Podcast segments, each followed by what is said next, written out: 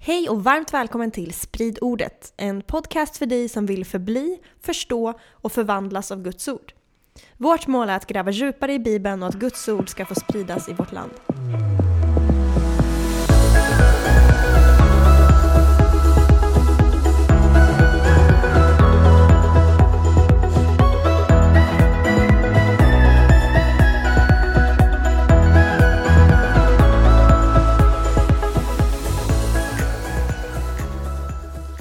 Äntligen! Ny serie! Da-da! Så är det, så är det. Och den heter Guds rike.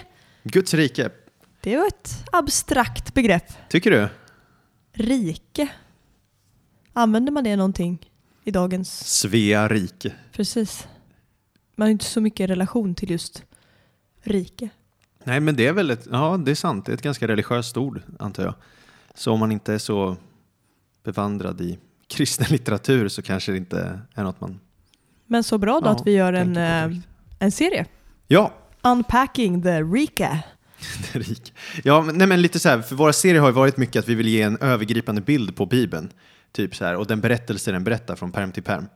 Och eh, ett av problemen när man läser en så tjock bok som till exempel Bibeln då, det är lätt att, att man går vilse i alla de här små detaljerna eh, så att man inte får grepp om den stora bilden.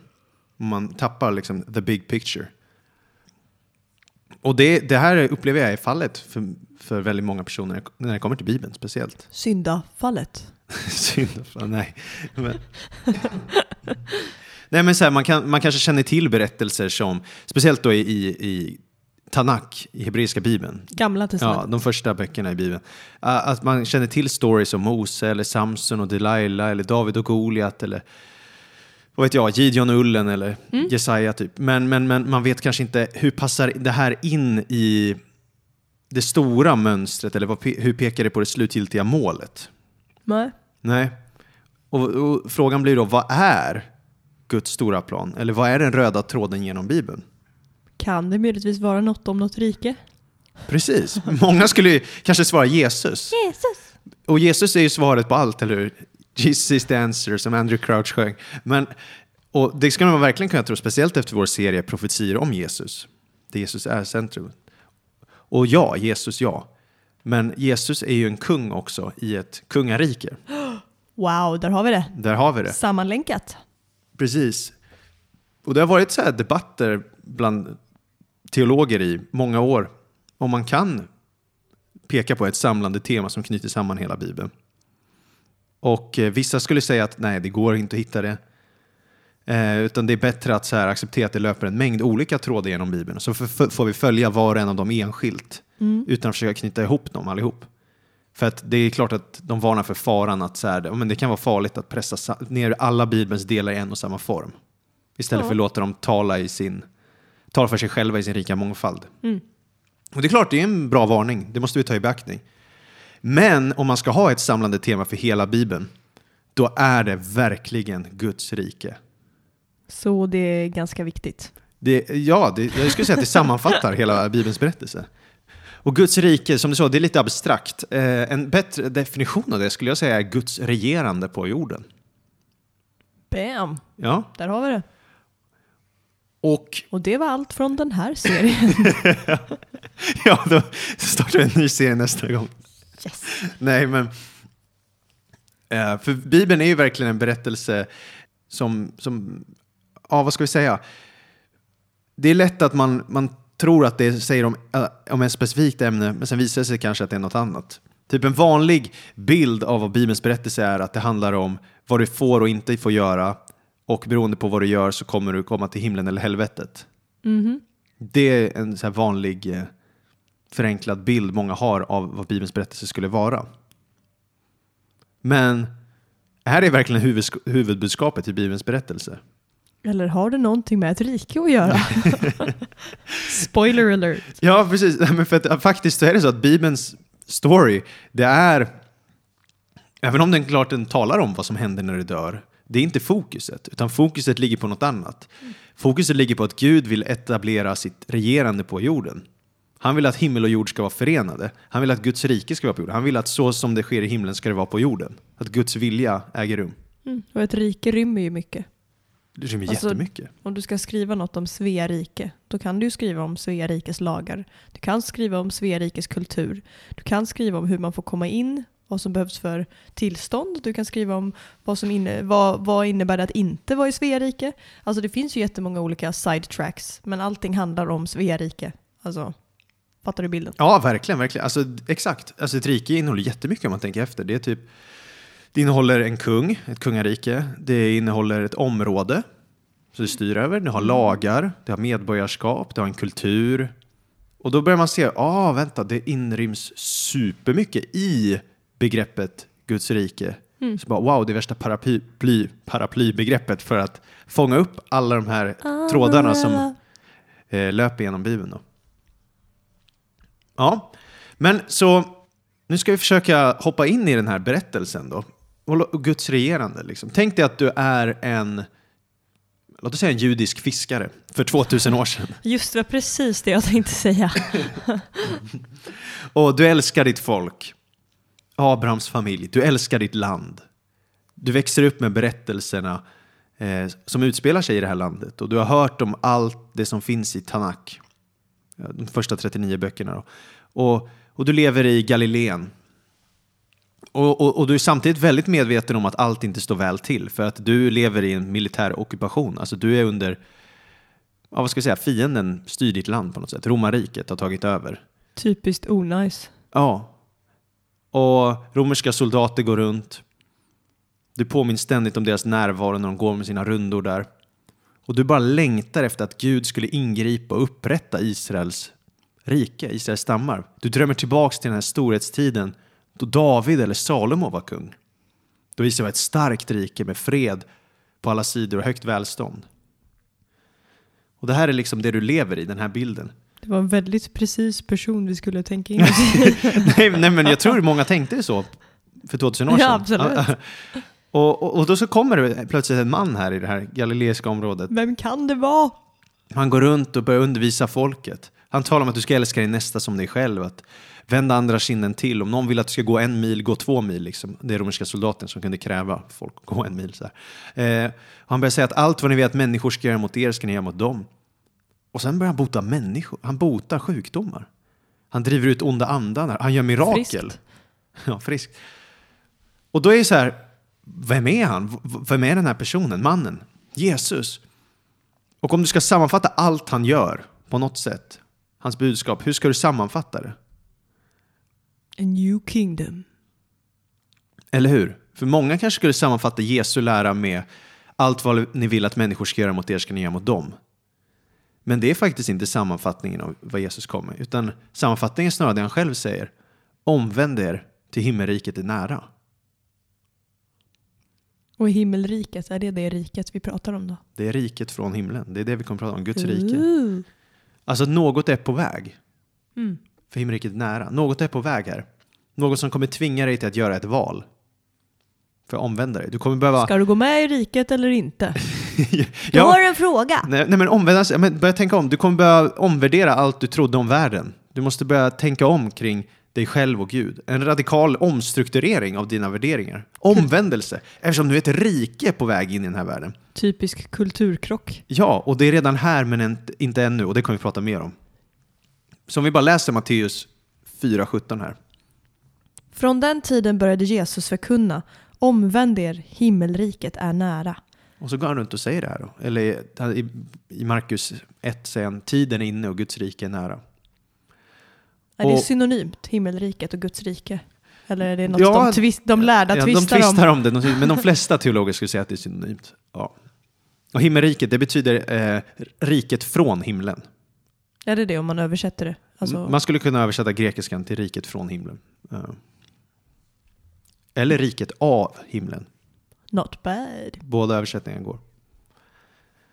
Och då så börjar han ju prata om det här. Och Jesus ser sin egen tjänst som gryningen för det här kommande riket. Och Jesus tittade ju såklart på Gamla Testamentet, Tanak, och han kände till alla de här berättelserna och han visste ju att vad alla de berättelserna pekar på, det är Guds kommande rike på jorden. Eh, och det här riket var i hans sinne, hela hans budskap skulle kunna sammanfattas i en kort och koncis mening. Omvänd er, för Guds rike är nära.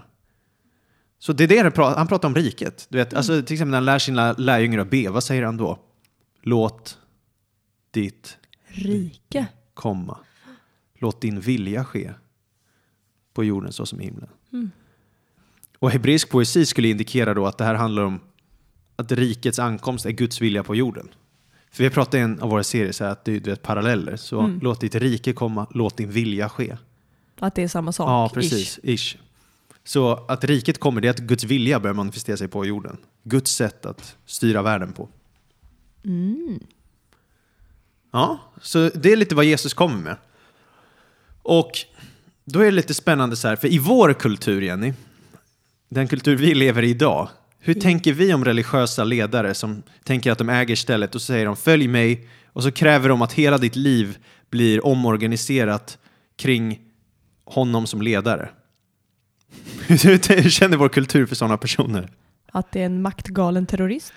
Vi, ja, vi blir väldigt misstänksamma. Och speciellt om det är pengar involverat, eller Du ska inte berätta för mig vad jag ska göra. Ja, fast många hakar ju på religiösa ledare idag. Allting. Ja. alltså, så är det. Vi blir bara väldigt skeptiska. Bara, vad är det här? Det är wack, weirdo. Vad håller de på med? Typ. Och sen om vi tänker så här då, om vi tar ett steg längre. Det finns ju grupper i världen idag som påstår sig att de föser in Guds rike i världen. Islamiska staten till exempel. Ja. Maktgalen terrorist. ja, precis. Och det är ju farliga grejer. Ja, man missbrukar ju tron. Men det är ju bara farligt beroende på vilket rike det är. Ah. Eller hur? För vad innebär det att följa Jesus då som kung i ett rike? Ja, För- det, det gäller ju att ha en bra ledare. ja, ja, ja men för det Jesus kommer med, det riket, det är ju olikt någon annan mänsklig organisation någonsin. Alltså genom hela mänsklighetens historia har aldrig funnits ett rike som det rike han säger sig komma med. Radical. Och det här riket Jesus kommer med, hur, hur ser det ut när Jesus, han, han, egentligen så säger han att Gud håller på att ta tillbaka till sin värld. Gud vill ta tillbaka världen liksom. Och då börjar han säga, riket är nu här, omvänd er. Och så börjar han undervisa, för att han inser att det här riket är så annorlunda, så ni behöver undervisning, ni behöver lära er att tänka annorlunda. Så han börjar berätta liknelser, han börjar berätta olika läror, du vet så här bergspredikan, Matteus kapitel 5, 6, 7, börjar prata om det här. Och basically vad det handlar om är att ja, men, typ framtiden är redan här. Guds, rik, eh, Guds regerande börjar komma nu på jorden. Då blir det att riket är som temat som knyter samman hela Bibeln. Så varje gång du hör en predikan i kyrkan, då handlar det om riket. En rikets princip. Eh, rikets lagar, rikets sanningar, rikets effekter. Mm. Varje gång de predikar, vare sig om de är helande eller om det är om Tillhörighet. Man givande. är ett folk. Ja, just det. Exakt. Sådär. Eh, Men den stora chocken då för judarna som levde på Jesu tid, den här personen vi tidigare gestaltade, eh, det var ju hur riket inte kom som ett, vad ska vi kalla det, traditionellt rike. Militär ockupation. Eller hur? Det kom inte som ett fysiskt rike direkt. befriande från en militär ockupation. Ja, de tänkte ju han ska komma, han ska bli kung i Jerusalem, hela världen ska flocka till honom. Det ska bli som kung David och kung Salomos storhetstid. Israel ska bli en mäktig nation igen. Men Jesus lär något annat. Om vi läser det i Lukas 17, från vers 20. Då Jesus blev tillfrågad av fariseerna när Guds rike skulle komma svarade han dem Guds rike kommer inte så att man kan se det med ögonen. Inte heller ska man kunna säga se, här är det eller där är det. Ty se, Guds rike är mitt ibland er. Wow, så i och med Jesus har riket kommit. Det kommer inte som man kan se det med ögonen. Det är inte ett eh, fysiskt rike liksom. Utan det, det är något helt annat. Eh, och han har också, han, i en annan passage så, så visar han det också. Då, då kommer han driva ut onda andar liksom så här. Eh, han driver ut onda andar och, eh, och så säger, om vi kan läsa det, Lukas 11. Han säger att det här är ett tecken på att Guds rike har kommit nu. Vi läser från vers 14 i Lukas 11. Då kör vi. Jesus drev vid ett tillfälle ut en ond ande som var stum. När den onda anden hade farit ut talade den stumme och folket förundrade sig.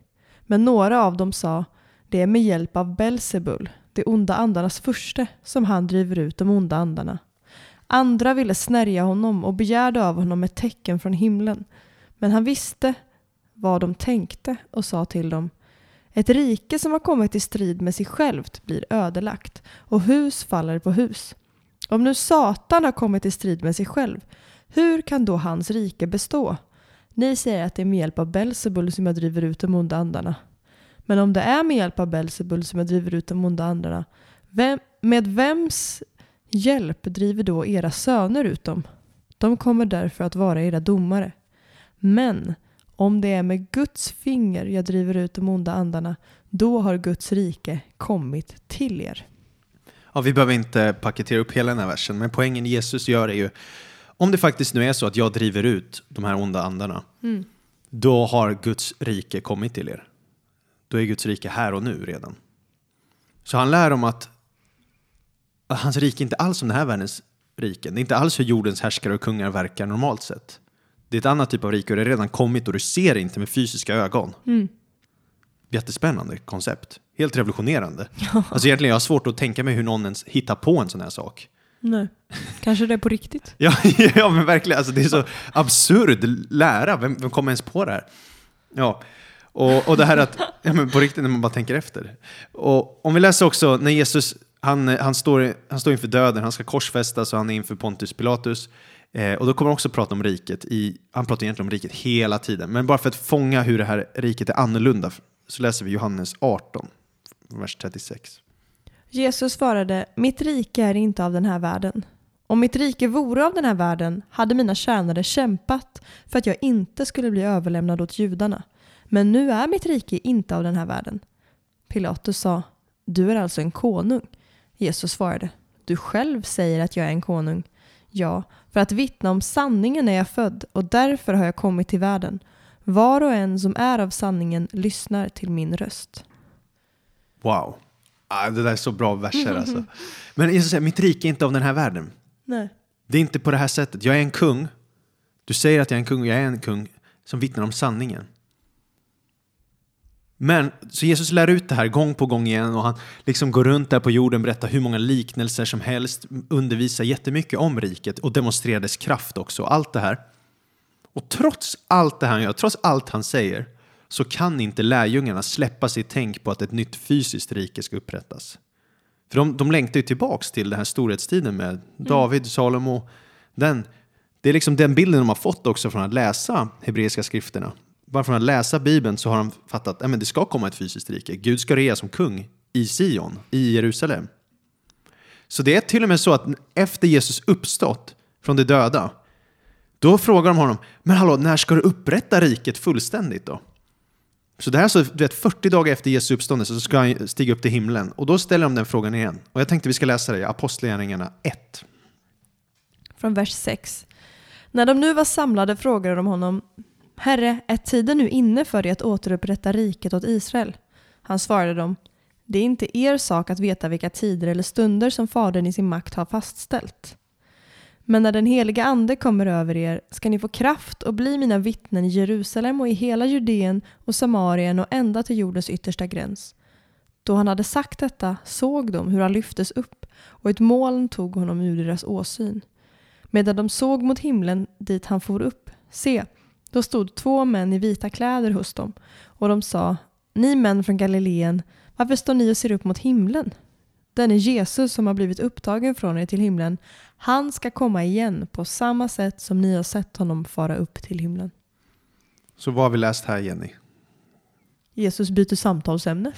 Till samtalsämne. Han bara, ni ska inte veta när det här händer. Men, by the way, den heliga ande, då kommer det här hända. Ja, precis. Så det, det är verkligen, verkligen så. Han, han säger liksom att Men han nekar ju inte att det kommer komma. nej. Han säger en, en dag kommer jag komma tillbaka och upprätta riket egentligen. Det mellan raderna är ju verkligen Men just nu, Just nu Då? så ska ni sprida mitt rike på det här sättet istället. Mm. Så lite typ, sluta sitta upp mot himlen, sluta räkna dagarna tills Jesus kommer tillbaks, utan få dagarna att räknas istället. Det är verkligen, sprid riket här och nu tills dagen kungen återvänder.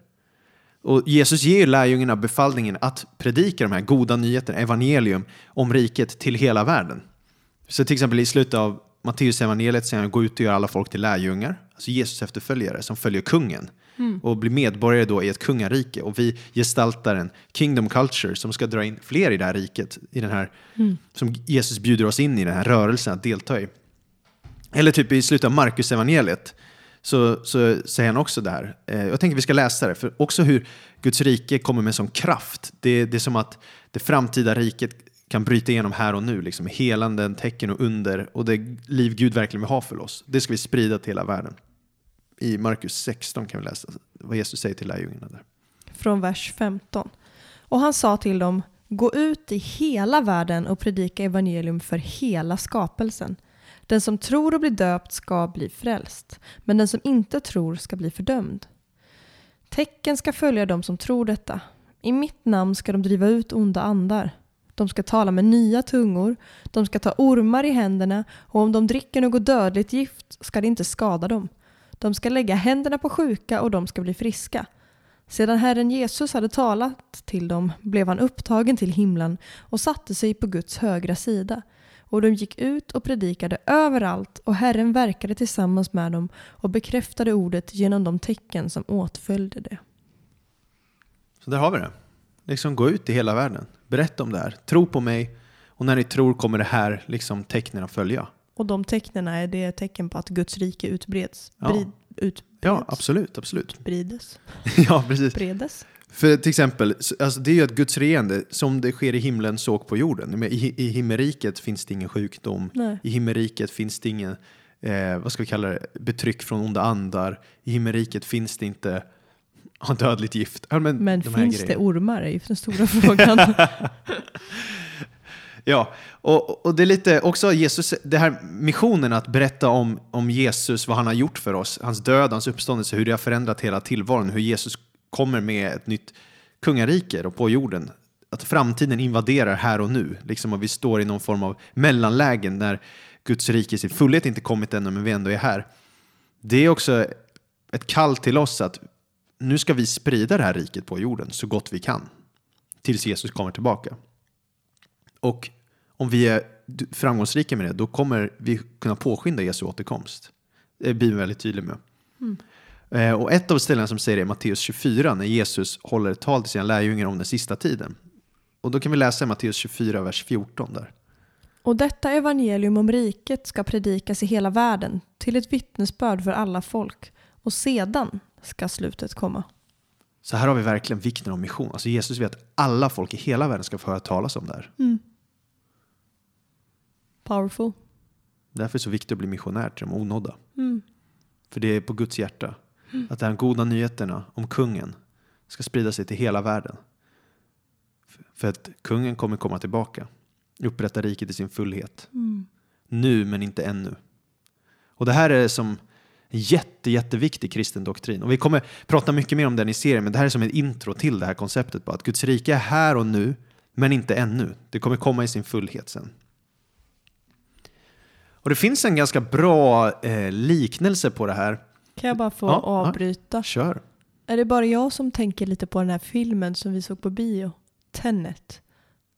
när Okej, när ja, de ja. åker, eh, när det är en eh, parallell story som är från framtiden som infiltrerar nutiden. Ja, ja, just det.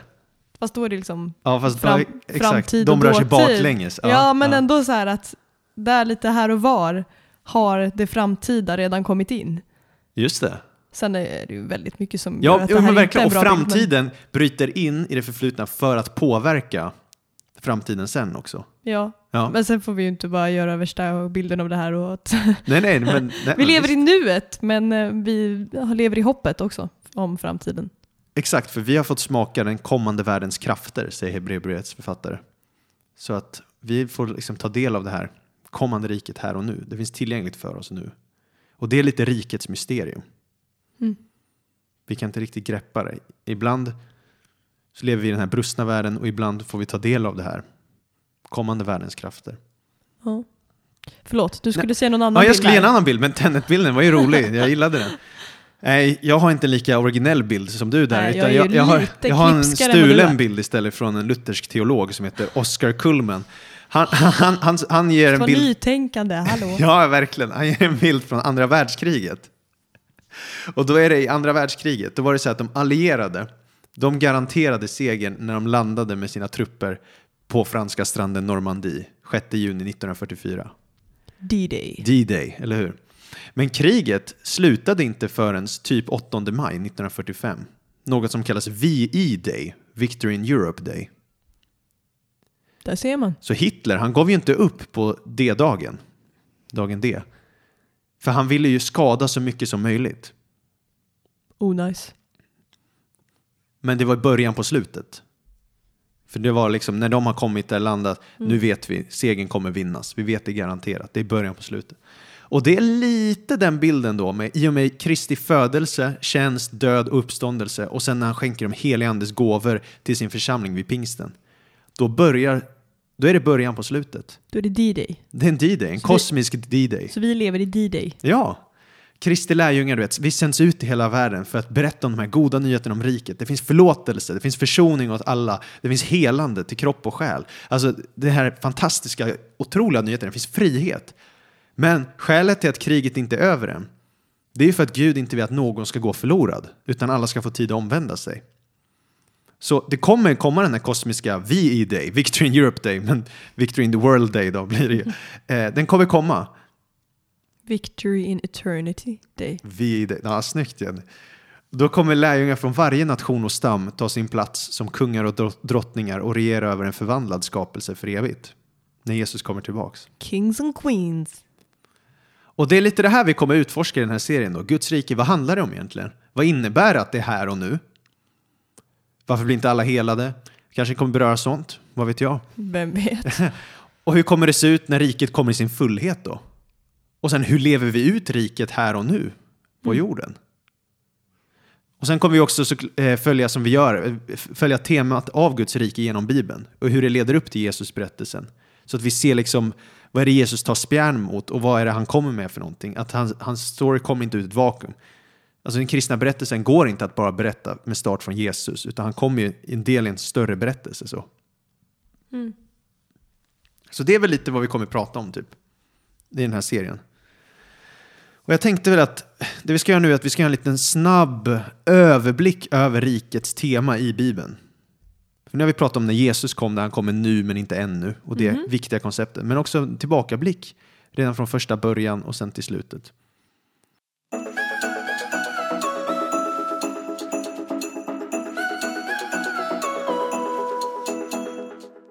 Vad är Guds rike? En teolog som heter Goldsworthy. Cool. han, vad hette han? Goldsworthy tror jag han heter. Ja, Han är så här guldvärdig. Ja, precis. Ja, precis. Eh, han i alla fall, han definierar Guds rike så här.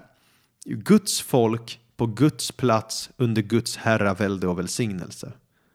Så det handlar om ett folk, det handlar om en plats, det handlar om att Gud regerar och att Guds välsignelse kommer ta plats som ett resultat av hans regerande. Känns också som att det innebär, alltså när det står på Guds plats, jag vet inte, men jag bara får till mig ordet timing. Det känns som att det är timing i det också. Timing, ja. Ja, det, de är, man är på Guds plats, de är liksom på rätt plats i rätt tid. ja, ja. jag vet inte. Jag vet, alltså, riket ser olika ut i olika tider. Men vem är jag att tolka Goldsworthy nej, uttryck? nej, nej. Nej, nej, precis. Men, men om vi tar en överblick av riket i Bibeln, då finns det en annan teolog som heter Vaughan Roberts. Och han listar så åtta stadier av riket i Bibelns berättelse. Och jag tycker det är bra. På, på engelska då säger han att det är först liksom the kingdom patterned, the kingdom perished, the kingdom promised, the partial kingdom, the prophesied kingdom, the present kingdom, the proclaimed kingdom and the perfected kingdom. Så det är en massa P han sp- spottar ut så. Så när Gud talar på engelska då blir det Allitteration. allitterationer. Nej, men egentligen så, han menar att det första som vi ser av riket, det är det ursprungliga riket. Det ursprungliga riket, det är där det börjar. alltså nu går vi igenom Bibeln i kronologisk ordning. Ja, tack Okej, att du Så det här förtydligar. är skapelsen innan fallet. Ja, exakt. Så det börjar med typ Edens lustgård alltså. Vi ser världen som Gud hade tänkt sig att den ska vara. Vi är Guds folk, Adam och Eva. De lever på Guds plats, lustgården, under hans herravälde. I lydnad och för hans ord. Och då att stå under Guds regerande i Bibeln, det innebär att man får del av hans välsignelse. Det är bästa sättet att leva på. Och då ser vi mönsterbilden, liksom. det här är Guds ursprungstanke för riket som det är tänkt att vara. Det är så det börjar. Sen kommer du till del två då. Det förlorade riket. Oh no! Synd. Synd ja. Typiskt. Det är synd att synden kom. För det som är sorgligt är ju att Adam och Eva trodde att livet skulle vara bättre om man var oberoende av Gud. Följderna blir not so good. De vänder sig bort från honom och han vänder sig bort från dem. Då. De är inte längre på Guds plats för Gud driver ut dem i lustgården. Så de står inte längre under Guds regerande. Så de tar inte del av hans välsignelse. Och istället drabbas de ju då av förbannelse kan man säga och dom. Så efter det förlorade riket sen så startas det här projektet då att komma tillbaks till riket. Guds regerande på jorden. När människor samarbetar med Gud som det är tänkt, då kommer Guds regerande på jorden. När människor lyder Gud, hans ord och tillit. Så. Och då kommer vi till det utlovade riket då. Vi kommer gå igenom allt det här mycket mer noggrant sen. Det här är bara en överblick. Men det utlovade riket, det är att Gud kallar Abraham och ger Abraham ett löfte. Gud ska återupprätta sitt rike genom dina efterkommande. De kommer vara ditt De folk. utvalda. De är utvalda. De kommer bo i ett land, Guds land, och få del av Guds välsignelse. Och genom dem ska hela jordens folk bli välsignade. Och det löftet är ju evangeliet, alltså de goda nyheterna. Delvis. Och det här upp, uppfylls delvis i Israels historia då. Men det är först genom Jesus som det slutligen infrias helt och fullt. Så det, först är löftet om riket då, liksom, i och med Abraham. Och sen kommer vi då till, enligt Vaughan Roberts, det ofullbordade riket. Som är steg fyra i det här. Då. Och det först var det ursprungliga riket, sen det förlorade riket, sen det utlovade riket, löftet liksom. Och sen kommer det fullbordade, ofullbordade riket. Det blev inte riktigt som det var lovat. Nej, Ännu. men nästan. För det är att Gud, genom uttåget ur Egypten så gör ju Gud Abrahams ättlingar till sitt eget folk. Ja. Och, och Gud porträtteras i den storyn som en kung.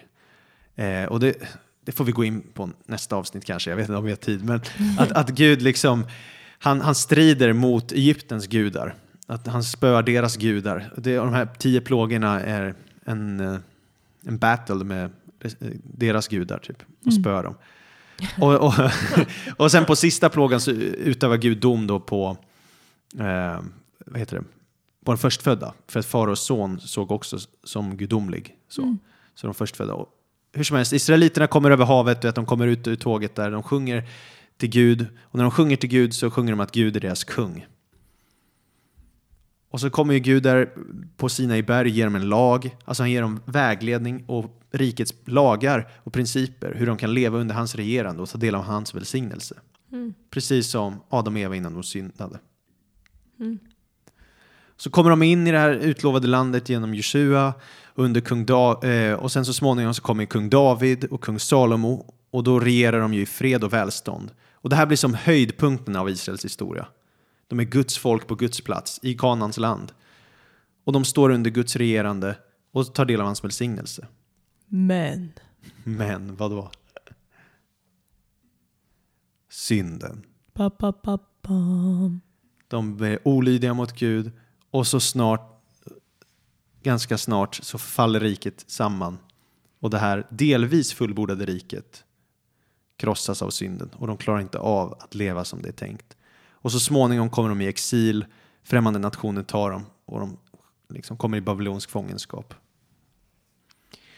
Och efter det här då, det som händer är ju då att vi kommer till steg fem i rikesberättelsen och det är det förutsagda riket. Det börjar profeteras som ett rike för att i och med Salomos död så kommer ett inbördeskrig och landet splittras i två delar, Israel i norr, Juda i söder. Och båda riken är ganska svaga. Och sen efter de här splittringen och kaos så, och mycket avgudadyrkan så tas Nordriket in i Assy av assyrierna, besegras av dem. Medan Sydriket, Juda, de lever vidare något århundrade till och sen kommer de in i babylonska fångenskapen. Ja. Och sen, det här är en väldigt dyster epok i historien då. För de har inget, de har inget land längre. Nej. De är inte liksom på Guds plats, vad ska vi säga? Ett territorium. För ett rike har ju ett territorium ofta kan man tänka. Men de, Gud förklarar att det är på ett sätt ett straff eller en dom för deras synd. Men han ger dem ändå hopp för framtiden. Och då börjar de här profeterna börja profetera och säga att ja, men Gud är inte färdiga med er. Han kommer frälsa er ännu en gång, ett större uttåg än det från Egypten. Han kommer rädda er. Och så börjar han, massa profeter tala om att det kommer komma ett rike, det kommer komma en storhetstid där Gud är kung i Sion igen. Alla hena folk kommer strömma för att ta del av honom. Riket kommer vara att blinda ser, döva hör, döda lever. Det kommer vara att det är en helt ny värld. Och Jesaja pratar om det jättemycket, att en ny skapelse kommer eh, ta plats och allt som är fel kommer bli rätt. Och det här är de här profetiska löftena som pumpas.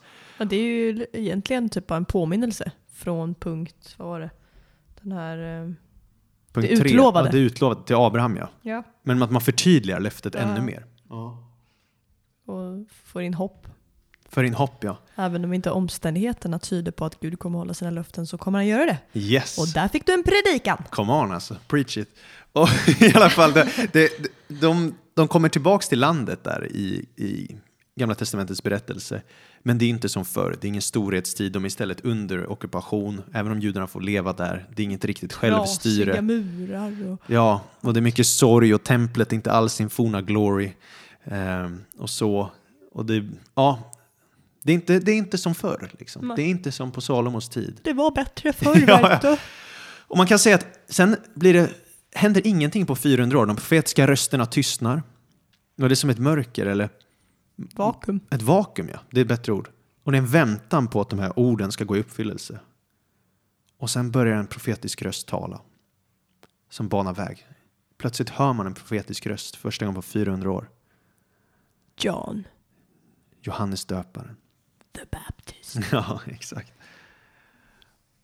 Och då kommer vi till sjätte steget, det närvarande riket. Att riket kommer här och nu. Och då är det vi pratade om innan, att Jesus, du pratar om Jesus, han kommer omvänd er för himmelriket är nära.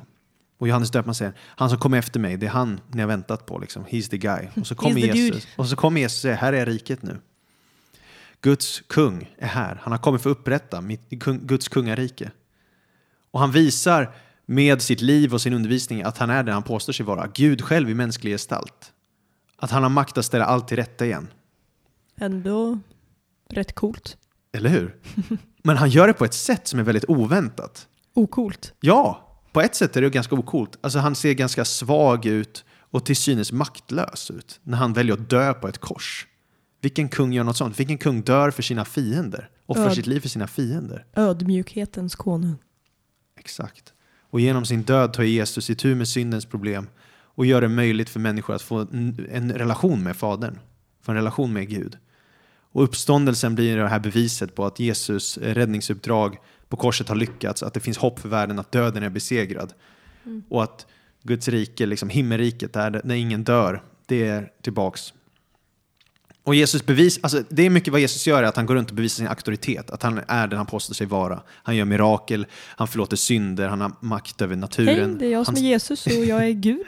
Exakt, han stillar stormen. Ja, sådär. Men som vi var inne på i början, riket har kommit på ett mystiskt sätt. Det är inte precis som under David och Salomo. Han lär ut liknelser om sitt rike, riket är nära liksom och sådär. Men det är något mysterium att det är som att det är närvarande, men det kommer också komma i framtiden. Och då kommer vi till steg sju då. Om det, steg sex var det närvarande riket då enligt ja, den här teologen, så är steg sju det Roberts. förkunnande riket. Alltså att Jesus säger att han har gjort det som krävs nu för att upprätta Guds rike. Men han steg upp till himlen och gjorde det klart för lärjungarna att det kommer dröja en tid innan han kommer tillbaks. Och nu ska de gå ut och berätta om honom. Så att när alla som tror på Jesus, då blir Jesus kung i deras hjärtan och Guds regerande utövas genom dem och de lever det liv som mänskligheten är tänkt att göra. Och det är det som initieras då mycket med pingstdagen när helig ande faller över dem så de kan berätta för världen om Jesus. Och då kan man säga att vi kristna lever i den här unika tiden där den nya tidsåldern har börjat men jorden ännu inte klivit över till den nya helt. Det är som att vi är mellan två tidsåldrar. Och sen kommer steg åtta då, det fullbordade riket.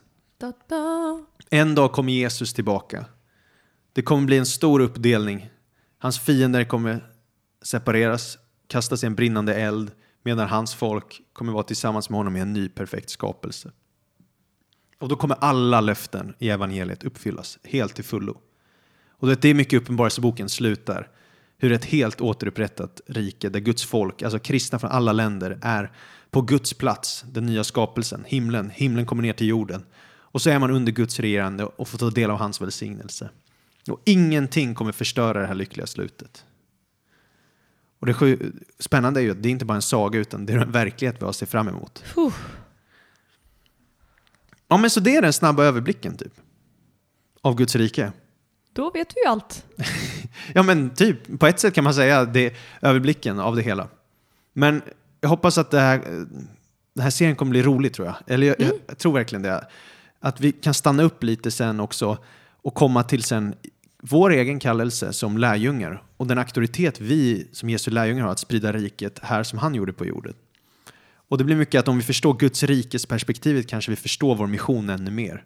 Att typ när man planterar kyrkor, när man gör lärjungar och når de onådda. Det är ett sätt hur Gud vill få sin planet tillbaka till sig. För han vill regera på jorden och han vill regera i hjärtan. Så som himlen såg på jorden.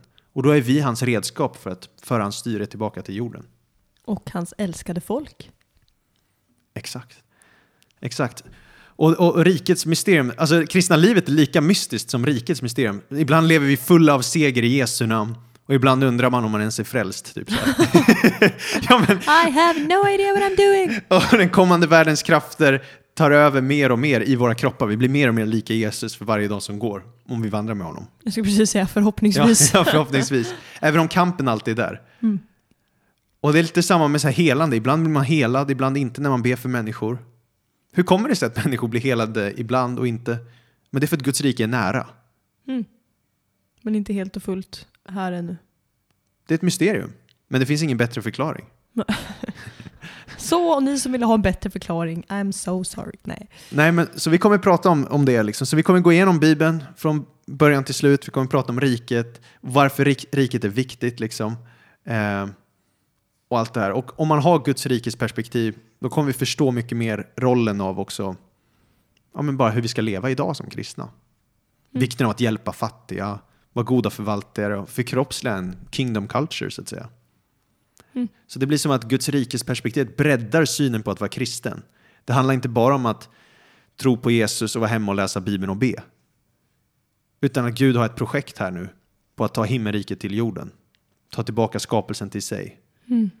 Och det gör han genom att människor börjar tro på Jesus och får en förvandlat liv och en förvandlad insida. Så här. Yeah. Ja, tankar på det? Bra försmak, bra register i den här nya boken om Guds rike. Eh, Fett tag- taggad. En fråga. Ja. Har du skrivit allt manus? Eller för de som lyssnar i realtid, höll jag på att säga. Om det är någon som lyssnar nu här första veckan som det här avsnittet är släppt. Om man skickar frågor om Guds rike, kan man eh, få svar på dem i serien? Ja, jättebra. Jag, nej, jag, har, jag, har, jag ska börja skriva manus nu här. jag gjorde bara en överblick av allt här. Ja. Så, Så liksom- har ja. du grejer du tänker på, Ja. eh, skicka det till oss. Vi har ju Instagram, spridordet podcast och vi är på Facebook, där heter vi spridordet. Har vi något mer? Annars finns vi privat också. Mm. Petrus EURL och Jenny EURL. ja, Um, eller hur? Skriv liksom frågor och tankar kring riket. Så ska vi försöka vandra igenom det. Vi börjar med hebreiska bibeln, gå igenom det. Och sen kommer vi till Jesus, vad vi kan göra. Och sen kommer vi då till det eskatologiska idealet, alltså sista. Spännande. Drömmen, himmelriket och allt det. Kanske ett tusenårsrike kan vi prata om också, vem vet? Vi får se. Ja, men eh, hör av er då om ni har frågor. Mm. Ehm, ja, vi kör. Let's go! Ja.